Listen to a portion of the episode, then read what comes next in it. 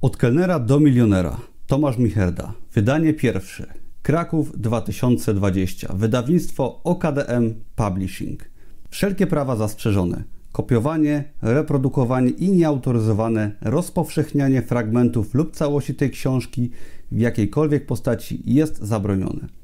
Książkę możesz kupić na moim blogu. Znajdziesz tam również wiele ciekawych artykułów. Od kelnera do milionera.pl Książkę dedykuję mojej żonie Paulinie. Dziękuję, że we mnie wierzyłaś w czasach, gdy byłem jeszcze kelnerem. Dziękuję za wsparcie w trudnych chwilach. Kocham Cię. Sytuacje opisane w tej książce wydarzyły się naprawdę. Imiona niektórych osób zostały zmienione. Treść książki była konsultowana z prawnikiem. Dla kogo jest ta książka? Napisałem tę książkę z myślą o każdym, kto chce zmienić coś w swoim życiu. Nieważne ile masz lat i jakiej jesteś płci. Nieistotne jest też, na jakim etapie życia się obecnie znajdujesz. Może jesteś młodą osobą, która szuka pomysłu na siebie, a może masz trochę więcej lat na karku i sporo problemów do rozwiązania. To bez znaczenia. Dla mnie liczy się to, że chcesz iść w życiu do przodu, ponieważ do takich osób kieruje ten tekst. Jeśli jednak niespecjalnie pasujesz do powyższego opisu i szukasz jedynie lekkiej, motywującej lektury, to również dobrze trafiłeś. Postaram się, by ta książka, prócz wiedzy i inspiracji, dostarczyła Ci też odrobiny rozrywki. Właściwie to rozrywki znajdziesz tu nawet więcej niż trochę. Nie ukrywam też, że w trakcie pisania postanowiłem złamać wiele schematów oraz dobrych obyczajów. Jeżeli niektóre przedstawione tutaj historie Cię urażą, to trudno, ale nie zamierzałem niczego ukrywać ani grać idealnego człowieka sukcesu. Pełna szczerość to według mnie jedyny sposób na wyjście z ograniczających nas przekonań. Pokażę Ci, jak czasem życie wygląda naprawdę oraz jak przekuć codzienne trudności w motywację do działania. Tytuł książki i samo wyrażenie od kelnera do milionera jest moim określeniem życiowej zmiany na lepsze. Przez pojęcie kelnera rozumiem osobę, która chce czegoś więcej od życia. Profesja kelnera nie cieszy się niestety w Polsce zbyt dobrą reputacją i uchodzi za kiepską pracę, odpowiednią najwyżej dla studentów. Szkoda, ponieważ w innych krajach kelner jest to pełnoprawny zawód i zazwyczaj z tacą biegają tam nie studenci, lecz dorosłe osoby, które wybrały właśnie taką ścieżkę kariery. Jak może wiesz, przez kilka lat pracowałem jako kelner w restauracji w centrum Krakowa. Już wtedy uważałem to za swój wielki sukces, choć to był dopiero początek. Przy okazji myślę, że kelner na słonecznej wyspie otoczony wspaniałymi ludźmi może poczuć się jak ktoś z milionem na koncie. Milionerem nazywam z kolei osobę, która ciężko pracuje oraz aktywnie zmienia swoje życie. W żadnym wypadku nie chodzi tylko o pieniądze. Liczy się wiele innych aspektów życia, nad którymi trzeba pracować każdego dnia. Za milionera uważam każdą osobę, która świadomie znalazła swoje miejsce na tym świecie. Książka od kelnera do milionera opiera się na mojej historii, która po latach zaskoczyła nawet mnie samego. Nie wspomnę o osobach, które patrzyły na to wszystko z boku.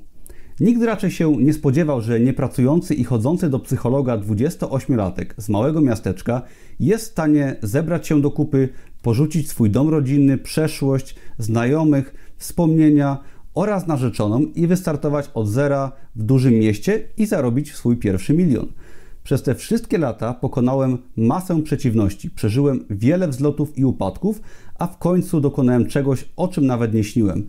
No dobra, zapisałem sobie dawno temu pod wpływem chwilowej euforii, pewnie podczas lektury jakiejś inspirującej książki, którą chyba była książka Sekret Milionera, że będę miał kiedyś własny, dobrze zarabiający biznes oraz wspaniałe mieszkanie z garażem podziemnym i widokiem na Kraków. Chciałem pokonać swoje słabości, każdego dnia być kimś lepszym i mieć ciekawsze życie. Kto by pomyślał, że to wszystko się zrealizuje? Zawarłem w tej książce swoje przemyślenia oraz wiele praktycznych rad wynikających z lat pracy nad sobą. Ogromny wpływ na podejmowane przeze mnie decyzje oraz podejście do świata miały rewelacyjne książki, które przeczytałem podczas swojej życiowej drogi. Bardzo bym chciał, żeby moja historia w podobny sposób pomogła Ci w dokonywaniu realnych zmian. Opisana tu historia rozgrywała się w latach 2010-2020. Wszystko zaczęło się od mojej wyprowadzki z domu rodzinnego w Oświęcimiu do Krakowa. Miałem wtedy 28 lat i strach był moim największym wrogiem. Pozostało tak do dziś. Jednak przez tych kilka lat, dzięki pokonywaniu kolejnych barier, nauczyłem się walczyć ze strachem i korzystać z jego siły. Kimkolwiek jesteś, mój drogi czytelniku, wierzę głęboko, że pokazane tutaj historie i płynący z nich pozytywny przekaz pomogą Ci dokonać ważnych zmian. Jakie to mają być zmiany, wiesz tylko Ty, ale postaram się odrobinę wesprzeć Cię w Twojej drodze i pokazać Ci za pomocą tej książki, że możesz zmienić w swoim życiu co tylko zechcesz. Doskonale zdaję sobie sprawę, że odsłaniam w tym miejscu publicznie wszystkie swoje słabości oraz opisuję wiele spraw prywatnych. Przeczytasz tu o chwilach kompletnego załamania, momentach euforii, poszukiwaniu celu, podróżach, pracy w krakowskiej gastronomii, intymnych relacjach z dziewczynami, szalonych imprezach, zarabianiu pieniędzy i o związanych z tym wszystkim refleksjach. Uprzedzam, to nie jest typowy poradnik, który będzie Cię karmił zasadami sukcesu. Na rynku znajdziesz tysiące historii ludzi opisujących swoją drogę do wielkich rzeczy. Często są to świetne książki, ja oferuję Ci jednak lekturę, która w nietuzinkowy sposób wpłynie na Twoje przekonania i pokaże Ci, że można zmienić w sobie praktycznie wszystko. Oczywiście znajdziesz tu wiele podstawowych reguł pomagających w praktyczny sposób wprowadzać odpowiednie zmiany w życiu, ale moim głównym celem jest wpłynięcie na Twoje przekonania, ponieważ to właśnie odpowiednie myślenie może zdziałać cuda. Napisałem tę książkę również trochę dla siebie, jako coś w rodzaju życiowej retrospekcji, by pomogła mi zrozumieć ważne wydarzenia z przeszłości i pozwoliła dzięki temu skutecznie iść do przodu. Ty, jako czytelnik, możesz razem ze mną brać udział w tym procesie. Możemy wspólnie postawić kolejny krok naprzód. Przeczytasz o tym, jak stawać się lepszą osobą oraz jak z odwagą iść przed siebie. Pokażę Ci nie tylko, jak rzucić kiepską pracę, założyć firmę i dobrze zarabiać, dowiesz się też, jak Ty możesz zmienić swoje życie o 180 stopni w dowolnym aspekcie. Może faktycznie będą to rzucanie etatu i założenie własnej, dobrze zarabiającej firmy, ale mogą to być również porzucenie dawnego otoczenia i rozpoczęcie życia na nowo gdzieś na rajskiej wyspie. Dlaczego nie? Jeżeli Twoje obecne położenie Ci nie odpowiada i chcesz coś zmienić, to jest to pozycja dla Ciebie. Udowodnię Ci, że możesz wszystko. Książka składa się z kilkudziesięciu rozdziałów. Na początku dowiesz się, jak nisko czasem trzeba upaść, żeby zrozumieć, co jest ważne. Następnie zobaczysz na moim przykładzie, że nawet najtrudniejsza sytuacja może stać się silną motywacją do działania. Pokażę Ci, że każdy z nas jest w stanie zmienić swoją codzienność i odnaleźć radość nawet w zwykłej pracy kelnera. Później przekonasz się, że nawet kelner może rzucić wyzwanie losowi, otworzyć własny biznes, zostawić etat, prowadzić życie marzeń i zarobić swój pierwszy milion. Pośród ciekawych historii znajdziesz również najważniejsze zasady, które pomagają nam dokonywać realnych przemian. Zrozumiesz, jak ważne są systematyczność oraz szczerze rozpisane cele. Dowiesz się też, co nas motywuje do działania oraz jak prowadzić ciekawy, nowoczesny biznes. Przy okazji zdradzę, co kelner wrzuci ci do jedzenia, gdy ukradniesz mu napiwek ze stołu. Daję słowo, że lektura tej książki będzie lekka i przyjemna. Jeżeli jesteś w perfekcyjnej życiowej sytuacji i nie potrzebujesz inspiracji, to spokojnie, na pewno kilka razy cię zszokuję i dostarczę wielu emocji. Życie nie jest lekkie, ale kto powiedział, że droga do sukcesu zawsze jest nudna? Jak czytać tą książkę? Od kelnera do milionera to wielowarstwowa książka, którą możesz czytać fragmentami. Każdy rozdział przedstawia historię, która ma ułatwić czytelnikowi lepsze zrozumienie konkretnego tematu. Przeczytanie kilku zdań na temat systematyczności nie sprawi, że natychmiast staniesz się osobą systematyczną. Za to poznanie ciekawej historii, która przedstawia cały kontekst sytuacji, pozwoli ci zbudować nowe przekonanie na wybrany temat. Przekonania zdobyte dzięki lekturze wartościowych książek realnie wpływają na nasze działania i tak właśnie było w moim przypadku. Oczywiście warto też samodzielnie popełniać błędy i dochodzić do własnych wniosków latami, ale według mnie zwykle prościej jest uczyć się od innych. Przedstawione w książce historie, sukcesy i porażki pozwolą Ci w interesujący sposób zrozumieć ważne kwestie związane z dokonywaniem zmian. Podczas lektury dostaniesz ode mnie w pigułce doświadczenia płynące z dużej części mojego życia, bo wierzę, że właśnie taki jest cel czytania książek z zakresu rozwoju osobistego. Pozwala ono pozyskać wiedzę i doświadczenie drugiej osoby. Wiedza kumulowana w książkach od wieków pozwala nam stawać się lepszymi ludźmi, a o to przecież nam wszystkim chodzi. Możesz przeczytać tę książkę od razu w całości i wracać do niej od czasu do czasu. Równie dobrą strategią będzie czytanie jedynie po 15 minut każdego poranka w celu otrzymania codziennej dawki inspiracji. Nie śpiesz się podczas lektury. Weź do ręki długopis i śmiało zaznaczaj najważniejsze dla siebie fragmenty. Na końcu znajdziesz też podsumowanie wszystkich najważniejszych zasad przedstawionych w tej książce. Wracaj do nich od czasu do czasu. Miłej lektury. Zachęcam Cię również do odwiedzenia mojego bloga pod adresem odkelneradomilionera.pl oraz mojego kanału na YouTube. Znajdziesz tam wiele informacji na tematy częściowo poruszane w tej książce. Na koniec jeszcze jedna bardzo ważna kwestia. Po lekturze koniecznie podziel się ze mną swoim zdaniem o tej książce. Napisz do mnie na adres tomekmałpa od kelnera do milionera.pl i opowiedz mi o swoich przemyśleniach. Może nawet spotkamy się osobiście i porozmawiamy na ciekawe tematy. Rozdział czwarty. Kroki w nieznane, czyli szansa na nowe życie. Pod koniec 2012 roku moja sytuacja była fatalna, a ja zaczynałem wpadać w rozpacz i depresję. Miałem wtedy 27 lat i mieszkałem w Oświęcimiu z rodzicami oraz bratem. Praca kamerzysty była przeszłością, zespół weselny dawno się rozpadł, kariera w korporacji mi nie odpowiadała, a przyszłość kierowcy nie wypaliła. W ogólnym poczuciu beznadziei zapragnąłem zmian. Miałem już dość noszenia okularów i poddałem się wtedy laserowej korekcji wzroku. Przez kilka tygodni po zabiegu moje oczy były obolałe. Nie byłem w stanie czytać ani oglądać telewizji. Jako, że nie bardzo miałem czym się zająć, postanowiłem zrobić coś, czego z pewnością nigdy bym nie zrobił, gdyby nie sytuacja. Sięgnąłem po przypadkowego audiobooka. Książka opowiadała o młodym człowieku, który miał kiepską pracę, czuł się zagubiony, ale było w nim przekonanie, że stać go na więcej. Zdecydowanie mogłem się utożsamić z tą historią. Główny bohater spotkał na swojej drodze pasjonującego się ogrodnictwem milionera i usłyszał od niego cenne życiowe wskazówki. Za pośrednictwem ciekawej historii przekazano w tej książce wiele motywujących rad. Jej tytuł to Sekret milionera. Dobra książka przekaże Ci wiedzę i doświadczenie nabywane przez jej autora w ciągu całego życia. W kilka dni możesz poznać mądrości, które ktoś zdobywał przez wiele lat. Zmotywowany postanowiłem działać. W zeszycie rozpisałem swoje cele wraz z wyraźnymi datami ich wykonania.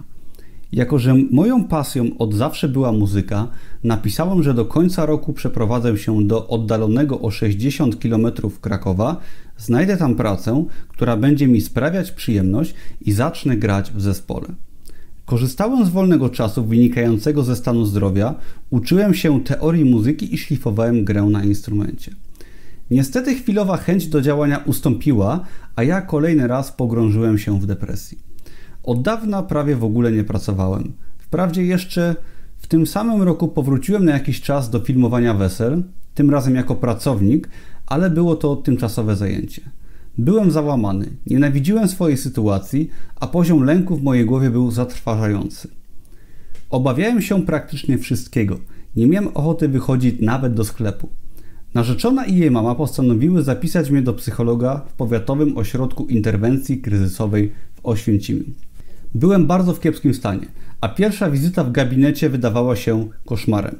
Pani psycholog, ładna młoda dziewczyna jeżdżąca na wózku inwalidzkim, była bardzo miła i zaangażowana w pracę. Opowiedziałem jej, że czuję się spięty i wystraszony, a ona starała się jakoś mi to wyjaśnić i poleciła mi nagrania relaksujące, które niestety nieszczególnie mi pomogły. Nie była to może najlepsza forma leczenia, ale mimo wszystko czułem ulgę, mogąc z kimś porozmawiać. Poczyniłem wtedy pierwsze kroki w kierunku walki z demonami. Po kilku wizytach mój czas w tym miejscu dobiegał jednak końca. Od pani w biurze ośrodka dowiedziałem się, że od przyszłego roku nie będą mieli dla mnie miejsca w grafiku. Zbliżał się Sylwester, a ja wciąż nie przeprowadziłem się do Krakowa. Moje cele zostały w zeszycie. Na domiar złego, tuż przed ostatnią wizytą w ośrodku spotkałem przed wejściem mojego dobrego kolegę z dawnych lat, który okazał się mężem pani psycholog. Zrobiło mi się bardzo wstyd, że ktoś znajomy wie o moich problemach. Przez sporą część wizyty psycholożka zapewniała, że obowiązuje ją tajemnica zawodowa. Próbowałem skorzystać też z usług prywatnego psychologa, starszego faceta przyjmującego pacjentów na poddaszu przy ulicy Marii Skłodowskiej-Curie w Oświęcimiu. Gdy wszedłem do gabinetu, przywitał mnie jedynie zimnymi słowami: Słucham pana. Nawet na mnie nie spojrzał, wypisywał tylko jakieś dokumenty. Starałem się wydusić z siebie cokolwiek, powiedzieć co czuję i co mnie boli. Nie byłem jednak w stanie, ponieważ przecież sam tego nie rozumiałem. Zalałem się łzami, cały czas próbując chociaż trochę opisać stan swojej psychiki. Ta chwila cierpień kosztowała mnie 120 zł i były to zdecydowanie najgorzej wydane pieniądze w moim życiu. Wyszedłem stamtąd jeszcze w gorszym stanie niż wcześniej. Zdecydowanie nie polecam. Gdy nadszedł nowy rok, moja narzeczona Magda stwierdziła, że rozważa wyjazd do Belgii, ponieważ koleżanka zaoferowała jej możliwość pracy jako opiekunka do dziecka. Wkrótce potem stałem już na dworcu w Katowicach i patrzyłem, jak Magda wsiada do autobusu jadącego na zachód. To był kolejny wymierzony we mnie cios. Tylko kto te ciosy zadawał? Magda wyjechała na nie wiadomo jak długo, a ja zostałem sam, bez pracy, bez ośrodka. Chociaż nic nie zapowiadało nadchodzącej poprawy, coś zaczęło we mnie się zmieniać. Nie wiedzieć czemu powoli wracały mi chęci do życia. Nabierałem wiary, a zapisane cele chyba działały na moją podświadomość. Nadszedł styczeń i wszędzie było mnóstwo śniegu. Czas spędzony w domu bez aktywności fizycznej, codziennych zadań i celów sprawiał, że pomimo słabej kondycji fizycznej i psychicznej czułem ogromną potrzebę do działania. Ilość nagromadzonej energii zaczęła przewyższać poziom moich lęków. Czułem, że jeszcze trochę i eksploduję. Zacząłem chodzić na długie zimowe spacery. Takie marsze pomagają pokonać gorszy dzień i odprężają umysł. To idealna forma relaksu. Stosuję ją do dzisiaj. Nieograniczoną ilość wolnego czasu postanowiłem poświęcić też na wyrobienie książeczki sanepidowskiej na potrzeby ewentualnej przyszłej pracy. Zupełnie jakbym planował zatrudnić się w restauracji. Czasem rozmawiałem też na Skype z Magdą. Mój stan nieco się poprawił. Otworzyłem zeszyt z zanotowanymi wcześniej celami i temat przeprowadzki do Krakowa powrócił. Plan był następujący: znaleźć byle jaką pracę i wynająć mieszkanie. Wysłałem sporo życiorysów, głównie w odpowiedzi na zgłoszenia dotyczące posady kierowcy w przeróżnych firmach. Pamiętam, że nawet przeglądałem oferty pracy na stanowisku kelnera, ale wydawało mi się kompletnie niemożliwe, żebym poradził sobie w takiej pracy. Pewnego razu wpadła mi w oko oferta pracy w lokalu gastronomicznym na krakowskim Kazimierzu. Zacząłem sobie wyobrażać, jak pracowałoby się w takim miejscu. Sprawdziłem na mapie dokładną lokalizację tej restauracji i ogarnął mnie potworny lęk. Moje emocje sięgały zenitu i po dłuższej chwili rozważania wysłania tam dokumentów zrezygnowałem przez strach. Moje myślenie było wtedy bardzo ograniczone. Nie wierzyłem w swoje możliwości. Co ciekawe, kilka lat później, gdy miałem już doświadczenie jako kelner i chciałem zmienić pracę, trafiłem do tej samej restauracji na dzień próbny. Ostatecznie trafiłem na ogłoszenie firmy zajmującej się sortowaniem odzieży używanej. Szukali kogoś do pracy w magazynie i do kierowania autem dostawczym. Wysłałem życiorys, po czym dostałem wiadomość, że należy przyjechać osobiście złożyć papiery, ponieważ mają problemy ze skrzynką mailową. Jak się potem dowiedziałem, był to element procesu rekrutacji służący pozbyciu się niezdecydowanych kandydatów. Lata później z powodzeniem stosowałem tę metodę już jako menadżer restauracji. Nie wahałem się długo. Wsiadłem w samochód i pojechałem do Balic obok Krakowa, by osobiście złożyć życiorys. Kilka dni później zostałem zaproszony na rozmowę kwalifikacyjną.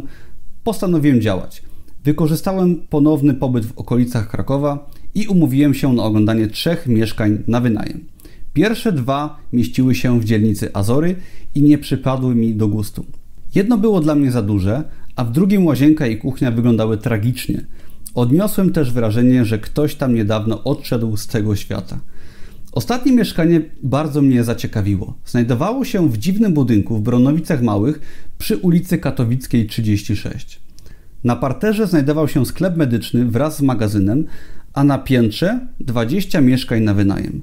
Mieszkanie pokazywała mi zaprzyjaźniona z zarządcą nieruchomości Kasia, która również wynajmowała lokum w tym budynku. Była trochę młodsza ode mnie, miała dwójkę dzieci i o 20 lat starszego faceta, wyglądającego jakby właśnie wyszedł z więzienia. Przez godzinę opowiadała mi na przykładzie swoich opłat, jakie dokładnie są koszty mieszkania. Narzekała, że musi płacić prawie 2000 zł miesięcznie za wynajem i sprawiała wrażenie, jakby chciała się na mnie rzucić i zdjąć mi spodnie.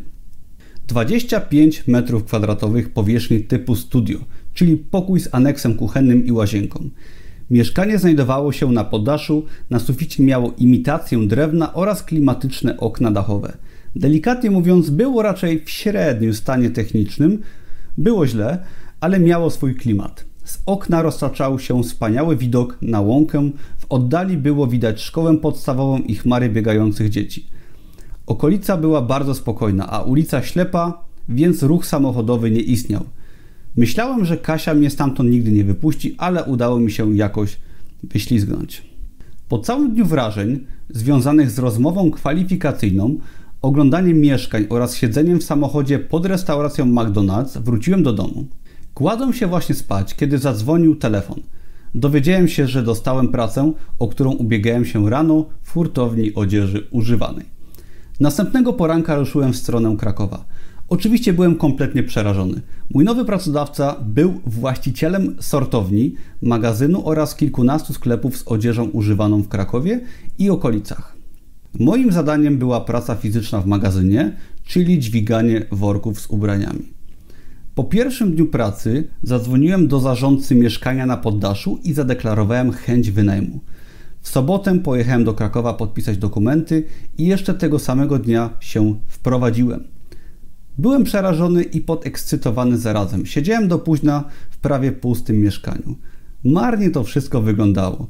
Łóżko, które przywiozłem ze sobą z domu, mała szafka i dwa stare stoliki, w tym jeden przykręcany do ściany, pełniący funkcję jadalni. Cały aneks kuchenny stanowiły kuchenka z zepsutym piekarnikiem i trzema działającymi palnikami oraz mała lodówka z ułamanymi drzwiczkami od zamrażarki.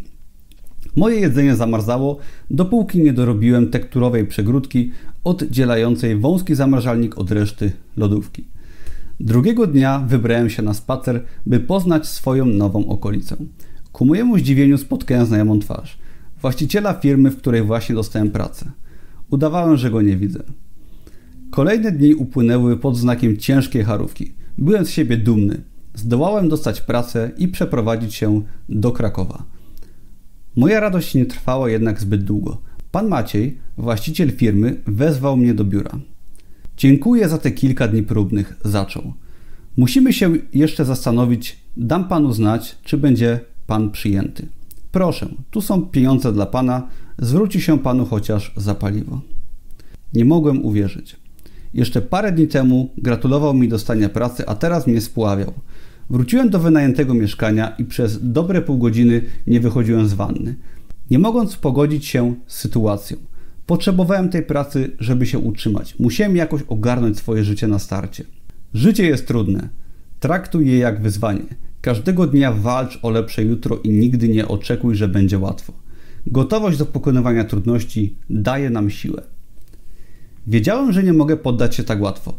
Rozpocząłem poszukiwania nowej pracy. Moja sytuacja była trudna, ale nie tragiczna. Na koncie miałem około 2000, a mieszkanie opłacone na miesiąc z góry. Dowiedziałem się, że pobliska pizzeria szuka kierowcy i od razu pomyślałem, że to dobra oferta dla mnie. Umówiłem się na spotkanie. Pizzeria nazywała się Mephisto. Prowadzona była przez rodzinę Ormian i znajdowała się na placu targowym przy ulicy Balickiej. Tę budkę, bardzo brudną i obskurną, trudno było nazwać restauracją. Stało tam kilka paskudnych stolików, a cała okolica wyglądała jak podrzędna ulica gdzieś w Chinach, gdzie nikt nie dba o rejestrację działalności gospodarczej oraz o kasy fiskalne. Najwięcej rozmawiałem z synem właściciela, bardzo miłym i kulturalnym chłopakiem. Jesteśmy bardzo religijni, powiedział. Był zdecydowanie młodszy ode mnie, chodził jeszcze do liceum. Rozpocząłem nową pracę. Wraz z drugim kierowcą zjeździliśmy całą okolicę i w końcu mogłem dobrze poznać pobliskie ulice. Za dnia w pizzerii byli tylko syn i matka. Bardzo miła kobieta, w której oczach widać było wiele smutku. Wieczorem pojawił się ojciec, szef i właściciel. Przyrządzał pizzę, paląc jednocześnie papierosa. Poświęcił mi dużo uwagi i opowiadał wiele ciekawych rzeczy. Niedługo przed północą pojechaliśmy w kolejny kurs. Gdy kierowca zaparkował na zakazie i zaraz potem zniknął w ogromnym bloku, rozdzwonił się mój telefon. W słuchawce usłyszałem głos Macieja, właściciela firmy z odzieżą. Dobry wieczór, panie Tomaszu. Zapraszam jutro rano do pracy, oznajmił. Jeszcze zanim przyjęli mnie w pizzerii, zdecydowałem się pojechać do hurtowni i zapytać, czy na pewno nie ma szansy na mój powrót do pracy. Najwyraźniej było warto. Czym prędzej olałem pizzerię i wróciłem do domu przed końcem zmiany. Wiedziałem, że i tak nie chciałbym pracować w Mephisto. Rozdział 23. Od kelnera do menadżera, czyli kilka słów o dbaniu o interesy. Od czasu wybrania Miłosza na menadżera minęło już półtora roku i restauracja miała się fatalnie. Utargi były coraz niższe, a Miłosz chyba nic sobie z tego nie robił. Nie gardził natomiast darmową whisky z baru na koszt naszego szefa, którego prawie nigdy nie było w Krakowie. Pierwsze słowa Miłosza po objęciu nowej posady brzmiały: Nie będzie już picia w pracy. Oczywiście w trakcie swojej kadencji przez półtora roku nasz nowy menadżer czasem bywał trzeźwy, ale niezbyt często. Nasz szef to widział i w związku ze słabymi wynikami postanowił podziękować mu za współpracę. Sam Miłosz też nie mógł się już doczekać końca swojego urzędowania na obecnym stanowisku. Zachwalał swoją nową pracę, w której wrócił za bar. Tam też zarobię 3000, a nie będę musiał użerać się z tym wszystkim. Wyjdę z pracy i nic mnie nie będzie interesowało. Powtarzał na kilka dni przed swoim odejściem. Nowy menedżer Darek został wybrany podczas naszych wakacji w Barcelonie. Mnie i Pauliny ten temat w ogóle nie interesował. Cieszyliśmy się sobą i nie przejmowaliśmy pracą. Darek był 30-letnim facetem, miał już jakieś doświadczenie w gastronomii. Wcześniej pracował na rynku w Krakowie jako kelner, więc Rawinder założył pewnie, że jakoś to będzie. Problem był jednak taki, że szef płacił bardzo mało. Uważał, że jest w stanie zatrudnić dobrego menadżera za niecałe 3000 zł na rękę. Skutkowało to przyjmowaniem osób, które po raz pierwszy mierzyły się z zadaniem prowadzenia samodzielnie restauracji i firmy w ogóle. Oddawanie biznesu wartego kupę kasy osobie bez doświadczenia zakrawa według mnie o głupotę. Poprzedni menadżer Miłosz narzekał na niskie zarobki i trudno w takiej sytuacji o motywację do pracy. Innych restauracjach menedżerowie zarabiali bez problemu dwa razy więcej niż w naszej. Darek wydawał się bardzo przyjemnym oraz inteligentnym gościem. Był trochę niższy ode mnie, ścięty na łyso i miał długą brodę. Dzieliło nas kilka lat, ale to on wyglądał na starszego. Jego pierwsze dni były pełne entuzjazmu. Przearanżował stoliki i dodał jakieś pstrokate materiały, które tylko zepsuły cały klimat restauracji. W knajpie nie działała połowa oświetlenia LEDowego, było bardzo ciemno, goście nie mogli przeczytać menu, a Darek zakrywał resztki światła kolorowymi szmatami. Jednak najlepsze było jeszcze przed nami. Tymczasem moja sprośna książka sprzedawała się coraz lepiej. We wrześniu 2016 roku uzyskała status bestsellera w kategorii Starzenie się. Nie oznaczało to dla mnie jeszcze możliwości porzucenia etatu, ale dało mi do zrozumienia, że temat publikacji na Amazonie jest godny uwagi. Pojechałem do Pauliny, kupiłem wino i świętowaliśmy tę małą ikonkę bestseller, widoczną nad moim produktem. Naszej restauracji sporo jednak brakowało do bestsellerowej sprzedaży i wszystko zaczęło się sypać. Darek coraz częściej znikał w niewyjaśnionych okolicznościach. Wyglądało to trochę jak regularne porwania przez UFO. Ulatniał się wtedy na cały weekend i nie odbierał telefonu. Organizował też grupy kilkudziesięciu gości na wieczór, ale nie przekazywał nikomu żadnych szczegółów na ten temat. Po prostu przepadał bez wieści, a my zostawaliśmy bez wytycznych. Mówił szefowi, że pracownicy otrzymali należne im wypłaty, a okazywało się, że nikt żadnych pieniędzy nie dostawał. Do tego Darek twierdził, że akurat klucz do kasy zostawił w domu. Wyczuwałem w tym wszystkim strach i mocny alkohol. Kolejny raz widziałem menedżera, który nie potrafił sobie poradzić z odpowiedzialnością prowadzenia restauracji. To był ciężki kawałek chleba, ale chowanie głowy w piasek i nie pojawienie się przez kilka dni w pracy zupełnie nie pomagało. Kolejny raz brakowało praktycznie całego zaopatrzenia restauracji. Kiedyś jeden z klientów powiedział do mnie podczas składania zamówienia: Poproszę baraninę w sosie masala. Nie było baraniny. To może serek indyjski w sosie szpinakowym. Też nie było. Został tylko kurczak. Miałem ochotę zapaść się pod ziemię. To proszę kurczaka w sosie masala i piwo indyjskie do tego. Powiedział mocno zdenerwowany gość. Zgadnijcie, piwa indyjskie się skończyły. Tak mniej więcej wyglądała w tamtym czasie praca w naszej restauracji. Braki w towarze zdarzały się regularnie, ponieważ nasz szef nie płacił faktur na czas i zabraniał menedżerom zamawiać towar. Jednak Darek dołożył do tego wszystkiego jeszcze swoją nieobecność i knajpa w ciągu kilku zaledwie tygodni praktycznie upadła. Regularnie brakowało wszystkiego i nawet podczas niedzielnej zmiany to ja musiałem decydować o wcześniejszym zamknięciu lokalu i wyproszeniu pozostałych gości w środku. Tak się nie zdobywa stałego klienta. Czasami, gdy szedłem do pracy na popołudnie, Paulina dzwoniła do mnie i prosiła o pożyczenie ryżu z sąsiedniej knajpy indyjskiej. Jak tak można w ogóle prowadzić przedsiębiorstwo? Myślałem. Szef dusił firmę od lat i nie interesował się kompletnie niczym, a Darek prawdopodobnie popijał gdzieś alkohol i nie odbierał telefonu. Tymczasem ja, Paulina i inni pracownicy nie mogliśmy nadziwić się tej sytuacji. Dbaj o swój biznes i płać godnie pracownikom. W innym wypadku Twoja firma wcześniej czy później upadnie. Nadszedł październik, jesień zaczęła się na dobre. Przeprowadziłem się wtedy na krakowski Kazimierz i wynająłem pokój w starej kamienicy w mieszkaniu z kilkoma innymi osobami. Do rynku miałem 15 minut spacerem. Byłem już krakusem pełną gębą i kelnerem w najgorzej zarządzanej knajpie w mieście, ale za to zakochanym z wzajemnością. Do tego tworzyłem sobie dodatkowy dochód pasywny i życie wydawało się jakieś takie ciekawsze. Swoją przyszłość widziałem w biznesie online. Jednocześnie zamierzałem pracować luźno jako kelner. Ta praca dobijała mnie brakiem perspektyw, ale przy dodatkowym zarobku w postaci Amazona niezobowiązująca posada kelnera zaczęła być sporym atutem. Kilka zmian w tygodniu, publikowanie na Amazonie oraz randki z Pauliną taki był wtedy mój plan na życie. Nie był jednak idealny. Szybko się okazało, że los przewidział dla mnie zupełnie inne atrakcje, przynajmniej na najbliższe lata. Pewnego ranka zadzwonił do mnie właściciel naszej restauracji, Rawinder. Przyjedziesz do restauracji? spytał. Chciałbym porozmawiać. Dobrze wiedziałem o co chodzi. Miałem dość mieszane uczucia, ale wybrałem się spacerem do knajpy. Tam już czekali na mnie Rawinder oraz jego prawa ręka, Beata. Wytłumaczyli, że Darek już dla nich nie pracuje i wcale mnie to nie zaskoczyło.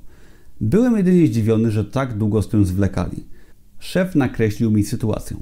Mamy dla ciebie propozycję. Możesz zostać menadżerem restauracji albo kierownikiem sali, wtedy poszukamy kogoś na stanowisko menadżera.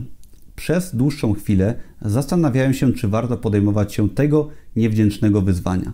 Restauracja była w opłakanym stanie. Sprzęty nie działały, oświetlenie było do wymiany, brakowało ludzi do pracy i pieniędzy na wypłaty. Do tego Rawinder blokował wszystkie płatności i często nie można było zamawiać towaru. Poprzedni menedżerowie skończyli w podobny sposób. Wrócili z bitwy na tarczy. Z jednej strony mieli niekorzystne warunki, ale z drugiej sami też byli sobie winni. Zamiast pić darmowe whisky, mogli zainteresować się bardziej restauracją, skoro już zdecydowali się tam pracować. Ja nigdy nie byłem fanem whisky. Wybrałem stanowisko menadżera. Dostałem klucze do knajpy, kasetkę z pieniędzmi i fajną, ale zapuszczoną restaurację w centrum Krakowa do samodzielnego prowadzenia. Czasem życie potrafi nas cholernie zaskoczyć.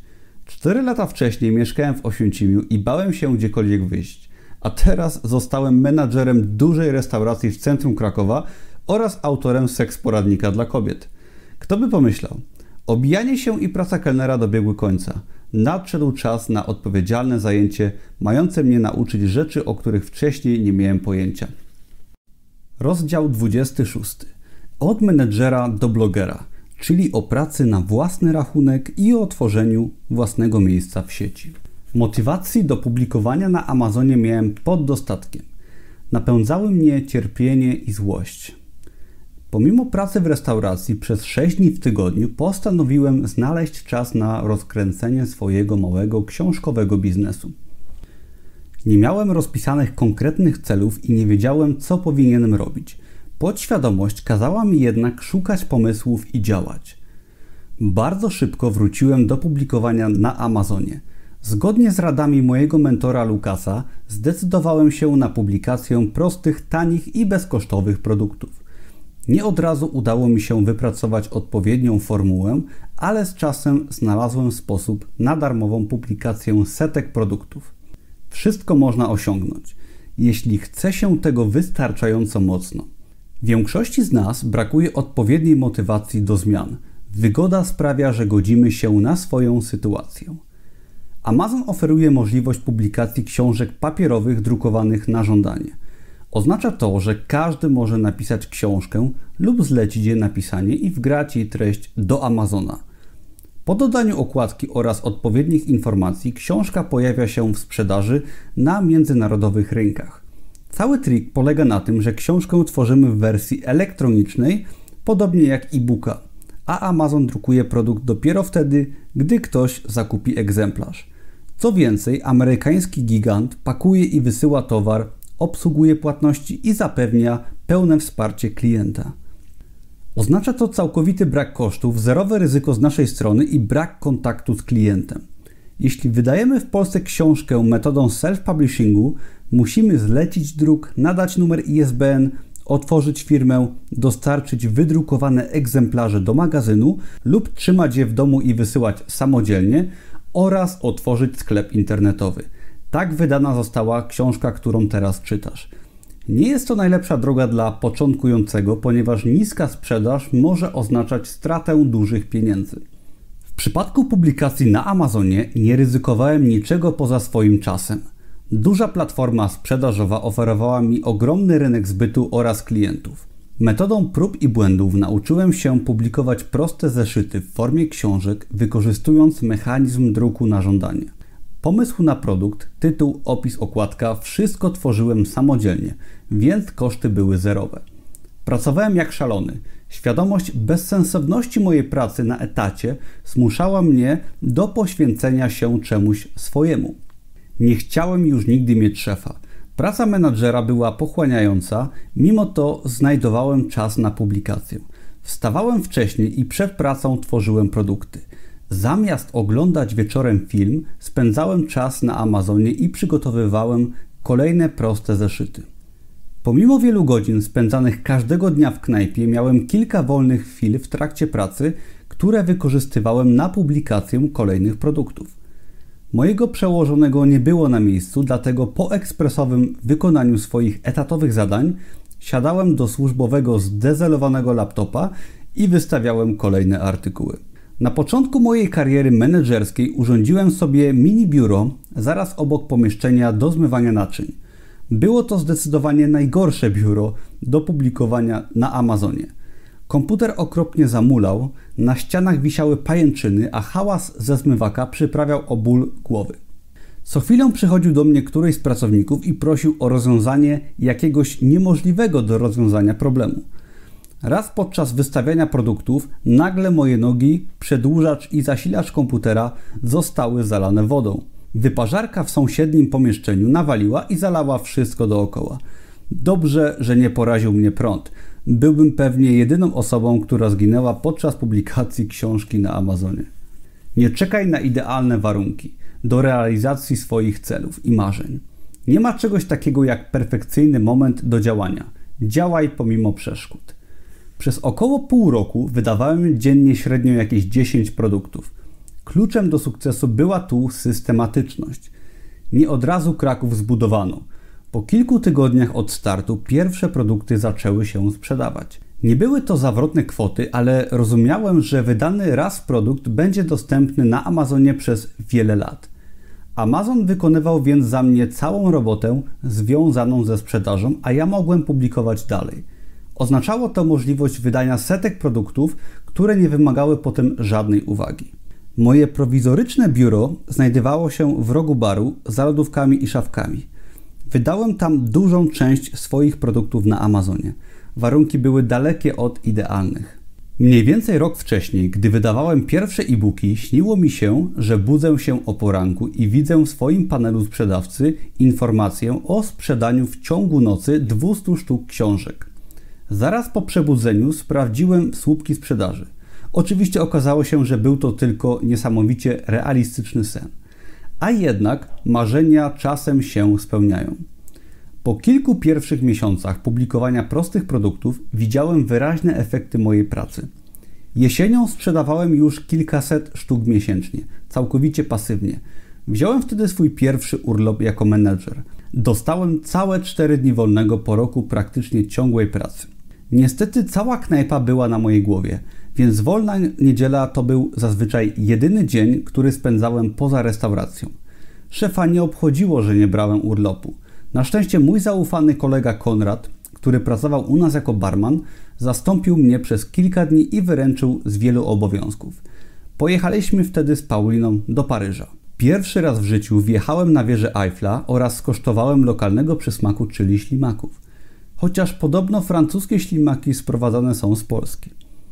Te małe, obślizgłe zwierzaki w muszelkach były całkiem smaczne, ale wieża Eiffla okazała się koszmarem. Sama w sobie jest wspaniałą budowlą, a widok samej góry zapiera dech w piersiach. Niestety liczba turystów odwiedzających to miejsce jest wręcz niewyobrażalna. Byliśmy tam w środku tygodnia i poza sezonem, a mimo to musieliśmy czekać w gigantycznej kolejce i bez końca odganiać natrętnych sprzedawców pamiątek mini wież Eiffla. Tyle dobrego, że policja ich regularnie przeganiała. Nigdy więcej. Zawsze chciałem zobaczyć Paryż, ale wywarł on na mnie mieszane wrażenie. Ma to nawet swoje naukowe określenie syndrom paryski. Miasto jest ogromne i brudne. Wszędzie widzieliśmy uchodźców, którzy ani trochę się nie krępowali i załatwiali swoje potrzeby na środku ronda. Jestem najbardziej tolerancyjną osobą na świecie. Pracowałem z wieloma narodowościami i zawsze byłem bardzo ciekaw nowych kultur. Ale oddawanie odchodów na środku skrzyżowania jest dla mnie przesadą. Czasem warto odwiedzić inne kraje, żeby docenić ojczyznę. Mamy ładny, spokojny i bardzo czysty kraj. Nie mamy za to załatwiających się na każdym kroku uchodźców. Po krótkim urlopie wróciłem do rzeczywistości, która oznaczała codzienną pracę w restauracji oraz wykorzystywanie każdej wolnej chwili na publikację na Amazonie. Nie narzekałem. Gdy byłem bardzo zmęczony, przypominałem sobie słowa mojego szefa. Dostawałem wtedy zastrzyk energii. Motywacja bólem, czyli motywacja negatywna, jest często lepsza niż te wszystkie obietnice wspaniałego życia i bogactwa. Jasne, pieniądze, wycieczki, samochody i przyjemności mnie napędzają. Lubię te rzeczy. Dziś osiągnąłem materialnie wszystko, czego potrzebowałem. Mam świetne mieszkanie, fajny samochód. W zeszłym roku odwiedziłem sześć krajów i właśnie zjadłem pyszny obiad w restauracji. Jest to jednak motywacja dodatkowa. Wciąż najbardziej napędza mnie chęć uniknięcia cierpienia. Cały czas pamiętam o pracy na etacie, którą wtedy musiałem wykonywać. W tamtym czasie całe moje siły pochodziły z chęci uwolnienia się z potrzasku. Miałem dość pracy w restauracji i słuchania szefa. Chciałem być wolny. Miałem kompletnie gdzieś, jakim samochodem będę jeździć oraz czy będę mieć w kieszeni najnowszy model smartfona dostępny na rynku. Dziś mam swoją firmę i zarabiam naprawdę dobrze. Stać mnie na wymarzone BMW, ale jeżdżę Seatem. Mogę mieć najlepszy telefon, ale używam takiego ze średniej półki. Takie jest moje podejście. Zrozumienie tego pozwoliło mi trochę uwolnić się od pogoni za pieniądzem. Dla mnie liczą się przede wszystkim życie według własnych zasad i wolność. To przeciwieństwo życia wbrew sobie na etacie, gdzie szef ma nas w garści, a my jesteśmy w potrzasku, ponieważ kredyt hipoteczny sam się nie spłaci. Nie tędy droga. Warto walczyć o życie, które będzie nas cieszyć. Dobre życie to wcale nie miliony na koncie. Owszem, trzeba odebrać edukację finansową i właściwie zarządzać pieniędzmi, ale uwierz mi, że wystarczą Ci do szczęścia niezła wypłata i regularne odkładanie nadwyżek finansowych. Musisz tylko lubić to, co robisz i przebywać z dobrymi ludźmi. Jeżeli masz ambicje na wielkie pieniądze, to jak najbardziej podążaj tą drogą. Musi to być jednak Twoja świadoma decyzja. Ja jestem gdzieś po środku. Staram się dobrze zarabiać, ale uważam, żeby się nie spalać. Tworzę firmę jednoosobową i nie robię rzeczy, które całkowicie mnie pochłoną. Nie mam pracowników, a codzienne wieczory staram się poświęcać mojej Paulinie. Mam też czas dla siebie i lubię oglądać dobre kino. Trzeba ciężko pracować, ale warto skupić się na czymś, co mieści się w granicy naszych zainteresowań oraz przebywać z wartościowymi ludźmi. Wtedy praca stanie się przyjemna, a efekty na pewno też się pojawią. Podążaj swoją drogą i pamiętaj, że każdy z nas jest inny. Pieniądze są bardzo ważne, ale jeszcze ważniejsze jest robienie tego, do czego jesteśmy stworzeni. Nawet własny biznes oparty na pasji i zainteresowaniach jest trudny i wymagający. Jednak dobre życie to podążanie własną drogą, a nie drogą kogoś innego. Do końca 2017 roku opublikowałem około 600 produktów na Amazonie. W grudniu sprzedałem ponad 1500 sztuk swoich automatycznych produktów.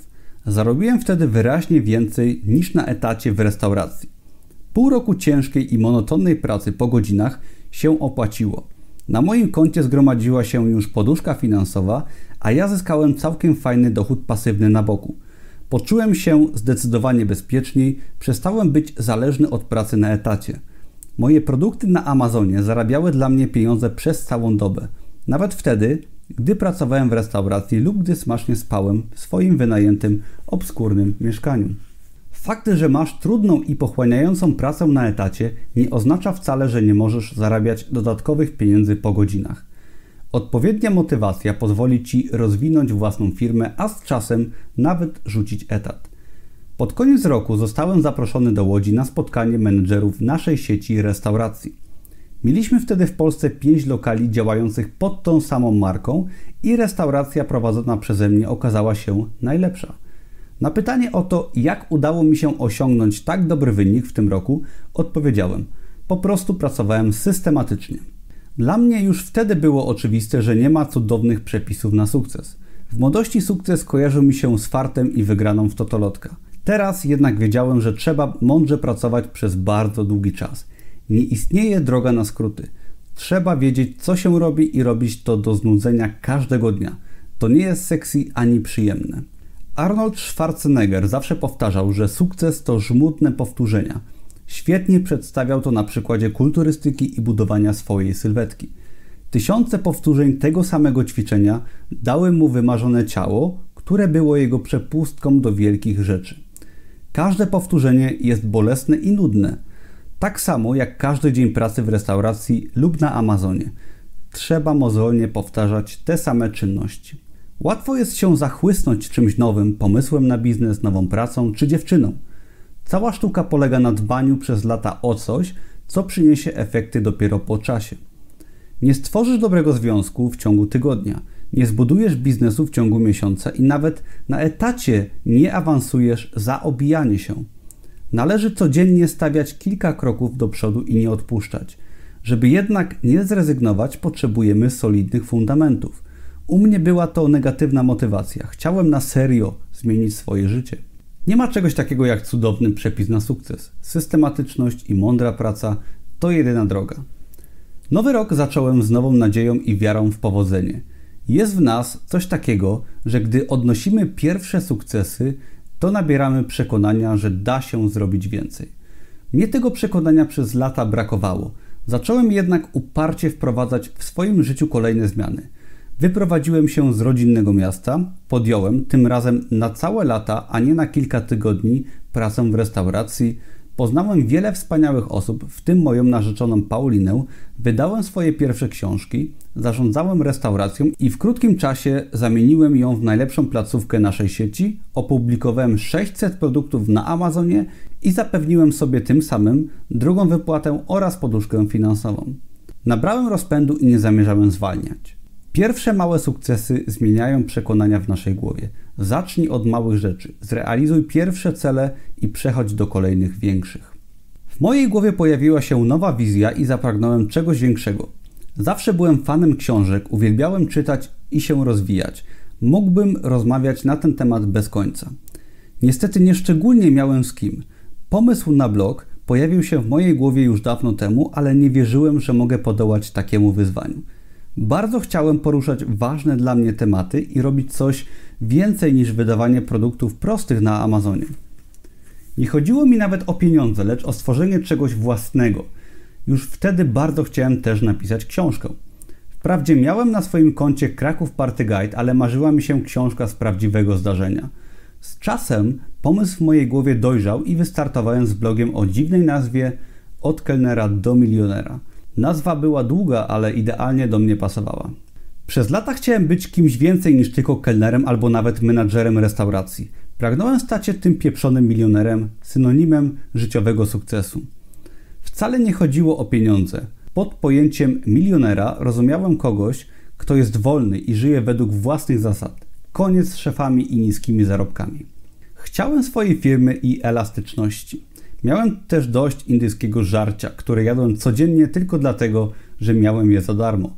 Przez ostre przyprawy następnego dnia prawie zawsze miałem sraczkę i piekący tyłek. To nie był dobry sposób na życie. Nie zdajesz sobie sprawy, ile cebuli zjadłem przez ponad 5 lat pracy w indyjskiej restauracji. Przez pewien okres nawet czuć było ode mnie dziwny zapach, który był spowodowany jedzeniem dużej ilości przypraw używanych w naszej knajpie. Motywowany złością i problemami w układzie pokarmowym, postanowiłem zaryzykować i założyłem blog. Miałem oczywiście masę wątpliwości. Negatywne myśli bez przerwy podpowiadały mi, że może jest jeszcze na to wszystko za wcześnie, albo że nie jestem wystarczająco dobry. Szczególnie przeszkadzał mi brak wiary we własne kompetencje. Na szczęście nauczyłem się już skutecznie tłumić negatywne głosy w mojej głowie. Przez kilka tygodni ciężko pracowałem i uczyłem się, jak stworzyć bloga. Wykupiłem hosting, zarejestrowałem domenę i zgłębiałem wiedzę o platformie WordPress, która jest bazą do tworzenia blogów i stron www.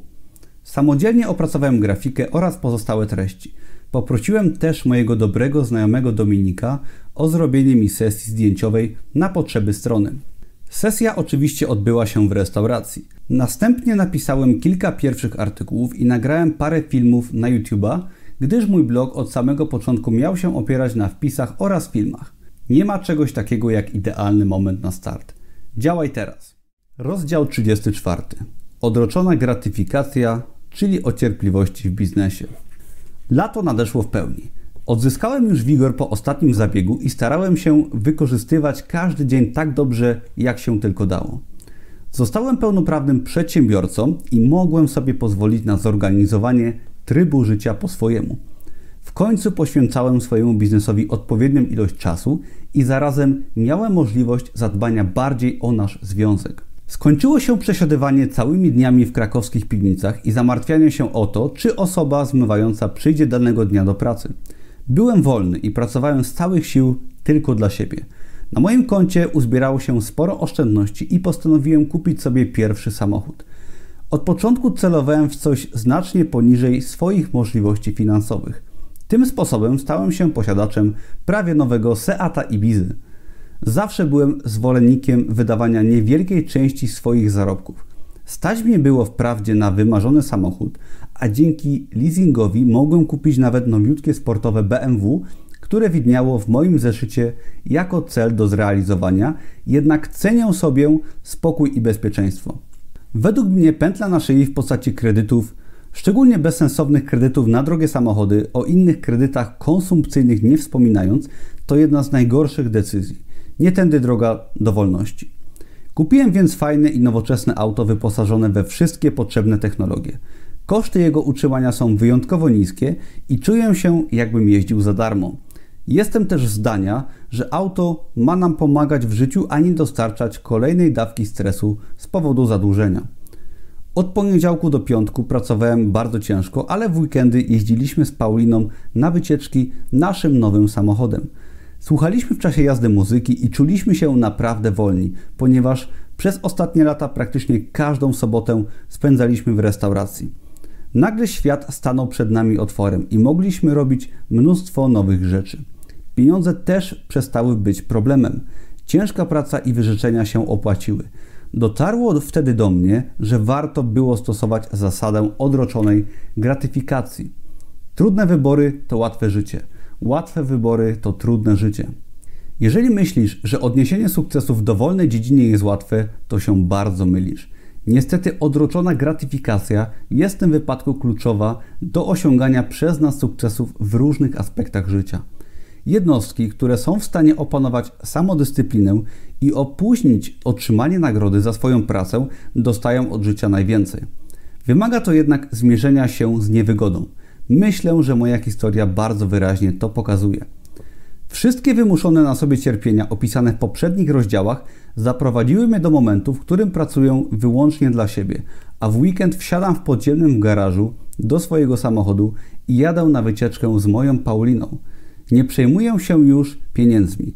Gdy tylko mam ochotę, to wchodzę do karczmy i zamawiam ulubionego pstrąga z patelni. Gdy mam gorszy dzień i brak mi chęci do pracy, mogę zrobić sobie wolną. Nie muszę się nikomu z tego tłumaczyć. To jest dla mnie wolność i takie skutki daje z czasem wykorzystanie zasady odroczonej gratyfikacji. Praca latami w knajpie bardzo mnie ukształtowała, dlatego chcę Ci pokazać, jak umiejętność odraczania nagrody wpływa na życie na przykładzie różnych osób pracujących w restauracji. Weźmy dla przykładu dwa skrajne przypadki: pomoc kuchenną oraz właściciela. Przedstawione osoby są pokazane lekko stereotypowo, ale wszystko opieram na moich wieloletnich doświadczeniach i obserwacjach. Pomoc kuchenna to najmniej odpowiedzialne i najgorzej płatne stanowisko w restauracji. Taka osoba zawsze potrzebuje pieniędzy tu i teraz. Nigdy nie ma odłożonej gotówki i domaga się zaliczek jeszcze przed terminem wypłaty. Zazwyczaj taki pracownik zmaga się z nałogiem palenia papierosów, często ma też problem z alkoholem. Ktoś taki nie planuje przyszłości i ma na swoim koncie wiele porażek. Po prostu potrzebuje pieniędzy jak najszybciej, jak tylko się da. Często po otrzymaniu wypłaty znika, nie przychodzi do pracy i nie odbiera telefonów. Z czasem, gdy skończą się jej pieniądze, wraca i znów prosił o pracę. Zdarzały się nawet osoby, które już na pierwszej rozmowie o pracę pytały o zaliczkę. Nazwałbym to natychmiastową gratyfikacją. Zarabiasz i od razu wydajesz. Jednak kosztem w tym wypadku jest brak przyszłości.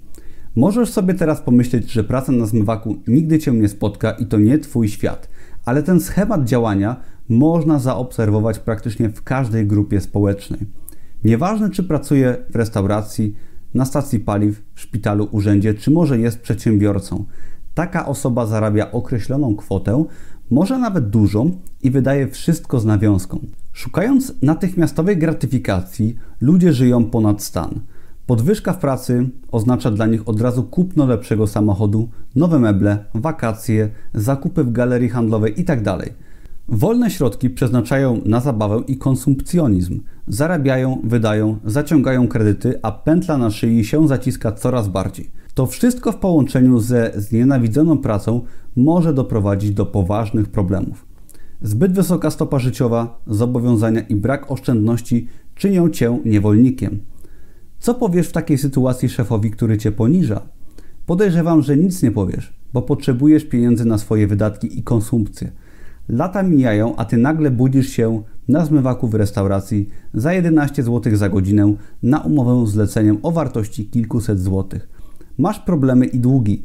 Co najgorsze, nawet 250 godzin w miesiącu na tym śmierdzącym zmywaku nie pokryje Twoich problemów finansowych. Nawet nie wiesz, ile takich osób widziałem.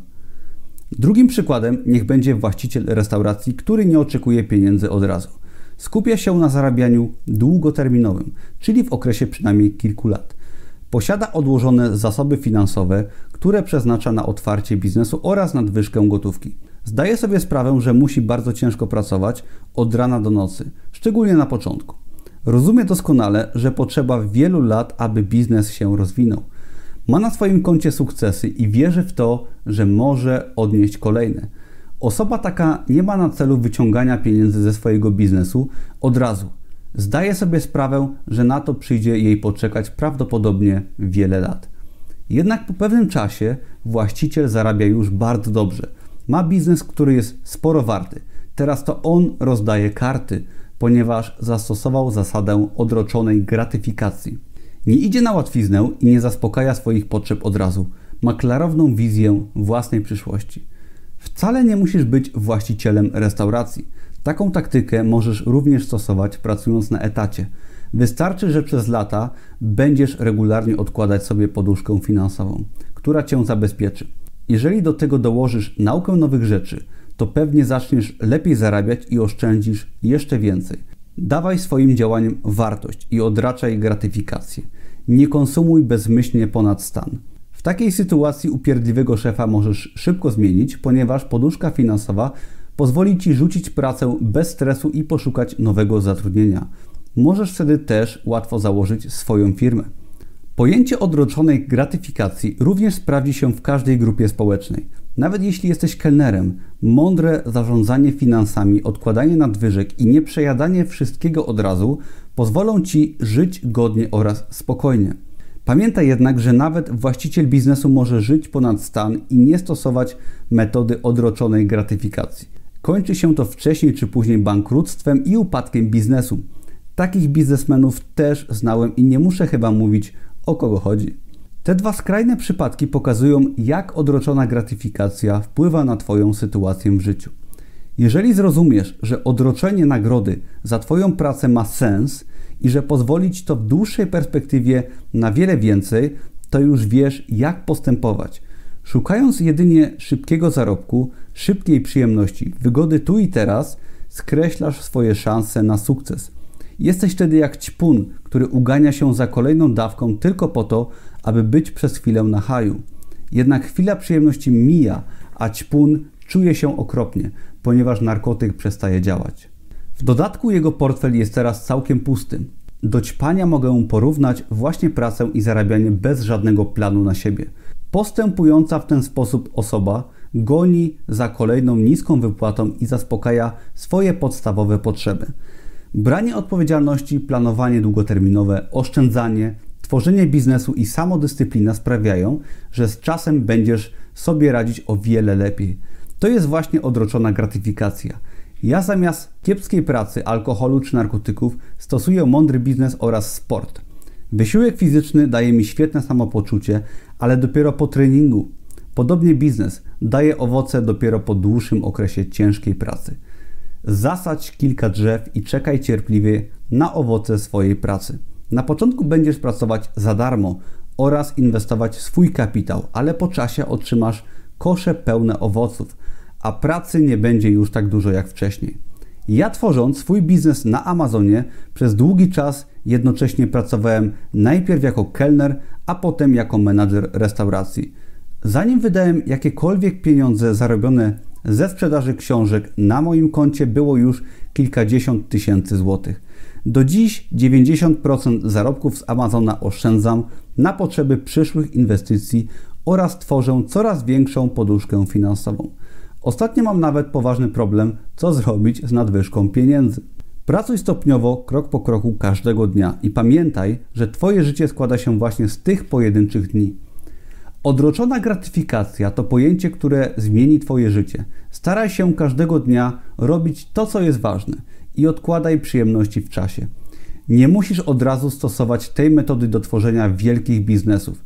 Wystarczy, że wstaniesz trochę wcześniej i wykonasz kilka prostych ćwiczeń, które po chwili wysiłku dadzą Ci dobre samopoczucie i nastawią pozytywnie na kolejne wyzwania. To już coś. Bardzo polecam Ci wypracowanie takich porannych nawyków. Z czasem pójdź o krok dalej i zacznij myśleć bardziej długoterminowo. Rób rzeczy, które przyniosą Ci korzyść w dłuższej perspektywie czasu. Chcesz zarabiać więcej? Nie narzekaj na zarobki. Zamiast tego zdobądź odpowiednią wiedzę, która pomoże Ci zarabiać więcej w Twojej pracy lub Twoim biznesie. Wymagać to będzie poświęcenia czasu wolnego i może odrobiny środków finansowych, ale z czasem zaczniesz więcej zarabiać. To jest właśnie odroczona gratyfikacja. Chcesz się dobrze czuć? Nie siedź przed telewizorem, tylko wyjdź na spacer. Może to będzie dla Ciebie trochę niewygodne, ale przy regularnym uprawianiu sportu, nawet zwykłych spacerach, zobaczysz, że Twoje zdrowie i samopoczucie będą o wiele lepsze niż wtedy, gdy unikałeś niewygody w postaci wysiłku fizycznego. Rozdział 37. Zmiana perspektywy biznesowej, czyli o zarabianiu dużych pieniędzy. Kolejny rok dobiegał końca, a ja myślałem, że osiągnąłem już wszystko, co tylko się dało. Pomimo bardzo dobrych wyników, nie zwalniałem z tworzeniem treści na bloga i publikowałem w każdym tygodniu dwa filmy oraz dwa nowe wpisy. Moje proste produkty na Amazonie też miały się dobrze. Sprzedawałem po kilkadziesiąt sztuk na dobę i to całkowicie pasywnie, bez jakiejkolwiek pracy. Nie planowałem publikacji niczego nowego, ponieważ skupiałem się na blogu, który jest moją pasją i biznesem numer jeden. Znalazłem jednak trochę czasu i wydałem kolejną serię produktów na Amazonie. To, co wydarzyło się na przełomie roku, mocno przerosło moje biznesowe aspiracje i dało mi do zrozumienia, że granice są zazwyczaj tylko w naszych głowach. Często wydaje nam się, że jeżeli zarabiamy kwotę X, to niemożliwe będzie na przykład potrojenie jej w ciągu jednego miesiąca. Przyzwyczaja nas do tego myślenia mentalność pracownika etatowego. Jeżeli ktoś zarabia na przykład 5000 miesięcznie, to nie ma opcji, aby dostał nagle kilkukrotną podwyżkę od szefa. Trzymając się standardowego myślenia, sądzimy, że należy stopniowo budować coraz to większe zarobki i bogacić się powoli. Jednak własny biznes i ciężka praca w ciągu kilku miesięcy zburzyły to przekonanie w mojej głowie. Szczególnie biznes łatwo skalowalny, o którym pisałem wcześniej, potrafi nas czasem nieźle zaskoczyć. Gdy wykonujemy pracę samodzielnie na etacie lub nawet w formie działalności gospodarczej, to zwykle sprzedajemy swój czas za pieniądze. To jak najbardziej w porządku, ale doświadczenie nauczyło mnie, że są lepsze sposoby. Na blogu oferowałem w tamtym czasie już 5 kursów online. Zarabiałem też dzięki afiliacji oraz otrzymywałem całkowicie pasywny dochód ze sprzedaży książek na Amazonie. Pod koniec roku opublikowałem razem z moją kursantką Anią nowy produkt na blogu szablony produktów na platformę Amazon KDP, który okazał się strzałem w dziesiątkę. Również nowe materiały na YouTube bardzo przyspieszyły rozwój mojego kanału, co poskutkowało zwiększeniem sprzedaży pozostałych produktów na blogu. W listopadzie oraz w grudniu moja firma osiągnęła rekordowe przychody i w ciągu jednego miesiąca zysk ze sprzedaży wyniósł prawie 70 tysięcy złotych. To więcej niż niektóre słabsze miesięczne obroty w knajpie, w której pracowałem. Restauracja ponosiła wysokie koszty stałe i rzadko wychodziła na zero. Ja ze swoim jednoosobowym biznesem miałem koszty na minimalnym poziomie. W moim modelu biznesowym zysk po odjęciu ZUS-u i podatków wyniósł ponad 82% całego przychodu firmy. Może i utargi miałem mniejsze niż restauracje, ale zarabiałem zdecydowanie więcej i nie ponosiłem żadnego ryzyka. Nie musiałem do tego użerać się z kilkunastoma pracownikami i zatkanymi pisuarami. W dodatku, w okresie przedświątecznym zainteresowanie moimi książkami na Amazonie poszybowało mocno w górę i sprzedałem wtedy ponad 4000 sztuk produktów. Nie przepracowałem przy tym ani sekundy. Mój blog oraz kanał na YouTube zyskiwały na popularności. Dobra pasa trwała również po świętach i trwa do chwili, w której piszę tę książkę. Ciężka i systematyczna praca popłaciła. Tworzenie biznesu z pasją pozwoliło mi osiągnąć zarobki dochodzące nawet do 50 tysięcy złotych w najlepszych miesiącach. Trudno to zestawić z odpowiedzialnym etatem menadżera restauracji, gdzie zarabiałem w porywach 4000 złotych miesięcznie. Siedziałem wtedy w pracy przez 6 dni w tygodniu, od rana do wieczora i jadłem głównie dania z cebuli. Nie polecam. Teraz jednak pracowałem tylko dla siebie, ponieważ stosowałem zasady, które opisałem wcześniej w tej książce wiara w siebie, ustalanie i zapisywanie celów, dodatkowy biznes po godzinach, systematyczność, planowanie, odroczona gratyfikacja i praca do znudzenia. To wszystko zapewniło mi rewelacyjne wyniki finansowe. Jak myślisz, ile można zarabiać miesięcznie? Główny Urząd Statystyczny podaje, że w 2019 roku mediana wynagrodzenia brutto w naszym kraju wynosiła 4094 zł, a średnie wynagrodzenie 5229 zł brutto. Oznacza to, że normalny Polak zarabia w granicach 3-4 tysięcy złotych netto miesięcznie. Uważam, że taka normalność to coś, od czego powinniśmy uciekać. Wcale nie chodzi o to, aby pracować po 18 godzin na dobę i zarabiać 100 tysięcy złotych miesięcznie. Można tak, ale po co? Warto się jednak zastanowić nad swoją sytuacją, pracować trochę ciężej niż większość osób dookoła oraz działać mądrze. Zarabianie miesięcznie kilku tysięcy złotych nigdy nie było dla mnie satysfakcjonujące, a tyle właśnie zarabiałem jako menadżer restauracji. Wcześniej podkreślałem, że pieniądze to nie wszystko, ale kwoty takiego rzędu to jednak trochę za mało, aby cieszyć się świętym spokojem i odkładać oszczędności na przyszłość. Zawsze warto dążyć do czegoś więcej. Chciałem mieć swoją firmę, dobre zarobki, własne mieszkanie z ładnym widokiem na Kraków i sporo pieniędzy na koncie, aby nie pracować już więcej z przymusu. Nie trzeba być milionerem, ale warto być człowiekiem zaradnym finansowo, który robi więcej niż wszyscy. Oznacza to bycie osobą sprytną, która zawsze stara się chociaż trochę poprawić własną sytuację. Zapas gotówki na koncie oraz życie wolne od udręk finansowych dają spokój i poczucie bezpieczeństwa. Pieniądze to tylko narzędzie do osiągania celów. Twoim obowiązkiem jest zadbanie o własną sytuację finansową w taki sposób, aby każdy dzień był pozbawiony gonitwy za pieniądzem, ponieważ często prowadzi ona do wielu nieprzyjemnych sytuacji. Zdobywanie nowej wiedzy oraz chęć do zmian dadzą Ci nowe możliwości zarobku. Znam mnóstwo osób, które męczą się swojej pracy i do tego są słabo wynagradzane. A czasem wystarczy tylko zdobyć się na odwagę i wyjść poza strefę swojego komfortu. Nie rób tego, co robią wszyscy. Szukaj drogi, która da Ci więcej od życia. Nieważne ile masz lat oraz w jakiej jesteś sytuacji. Jeśli widzisz, że Twoje położenie zawodowe nie prowadzi Cię tam, gdzie chcesz być, to zmień coś.